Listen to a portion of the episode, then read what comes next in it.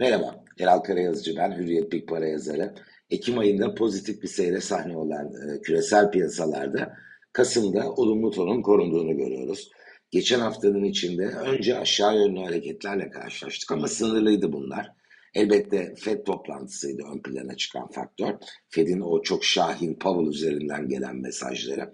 Fakat e, Cuma günü istihdam veri setinde enflasyonun yumuşayacağına işaret eden güçlü sinyaller diyemeyiz. Ama alt detaylarda e, sınırlı da olsa enflasyonun yumuşayabileceğini düşündüren e, bilgiler piyasalardan çok pozitif karşılık buldu. Önce Avrupa seansında, Amerika seansında da üzerine koyarak piyasaların e, Kasım ayının ilk haftasını pozitif tamamladığını gördük.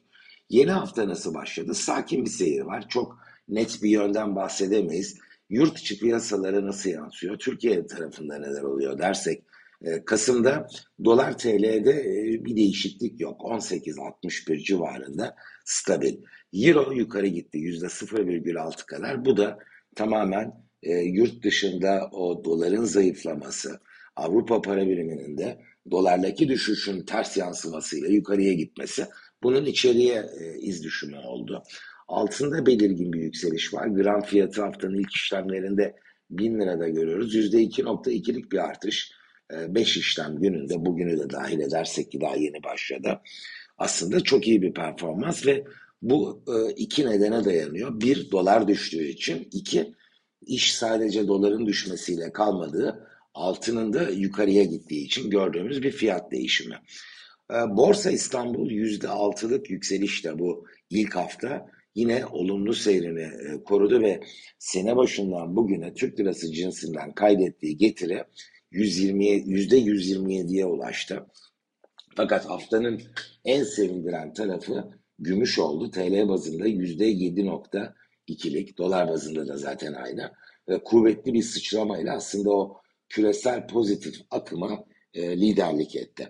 Buradan ileriye doğru baktığımız zaman birincisi ben aslında 2021 ortasında başlayıp 2022'de e, Şubat sonunda Ukrayna Savaşı'nın çıkmasıyla birlikte e, hız kazanan sert düşüş trendinin Ekim ayında sona erdiği ve varlık piyasalarının uzun bir, bir buçuk yıl kadar sürebilecek bir anerotada değer artış trendine girdiği yönündeki görüşümü koruyorum. Mutlaka geçen haftanın içindekine benzer hatta daha kuvvetli ara negatif akımlar olacaktır. Fakat bunun ana rotayı e, değiştirmeyeceği yönündeki görüşün geçerliliğini koruyor. E, gündemde kısa vadede öne çıkan Amerika'da yarın bir e, ara seçim var. E, kongrede ve senatoda e, koltuklar el değiştirecek. Çok büyük bir piyasa etkisi yaratacağını düşünmüyorum. Gündemde çok konuşulacaktır çarşamba günü ama asıl piyasa etkisi yaratabilecek kalibrede e, faktör Perşembe günü e, Türkiye'de biz Ulu Önder Atatürk'ü anarken Amerika'da da Ekim enflasyon e, verisi gelecek. Özellikle çekirdek çok büyük önem taşıyor. İşte o e, kuvvetli piyasa etkisi yaratmaya aday bir veri. Onu ajandalara not etmek doğru olacak.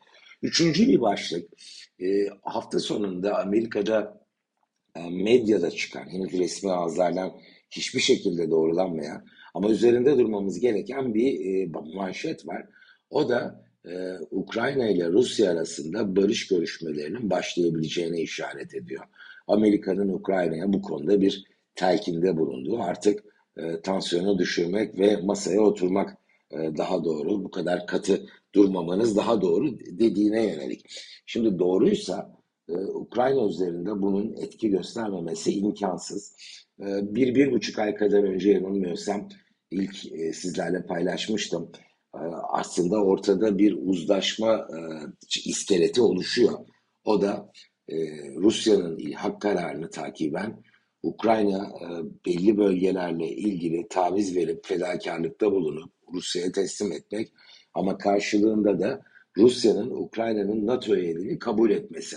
Bu iskeletin etrafında bir sulhün mümkün olduğunu hatta dış politika analisti e, dostlarımla olan görüşmelerimde bu yılın son bölümünde böyle bir e, senaryonun vücut bulmasının da yüzde yetmiş kadar şansı olduğunu e, öğrendiğimi sizlere aktarmıştım. Aslında bu gelen haberler e, o senaryoyla bağlantılı. Fakat aradan geçen sürede Ukrayna'nın e, savaşta sahada elde ettiği kazanımlar var ve e, rüzgarı arkasına almış durumda. Rusya zorlanıyor o ilhak ettiği yerleri de korumakta.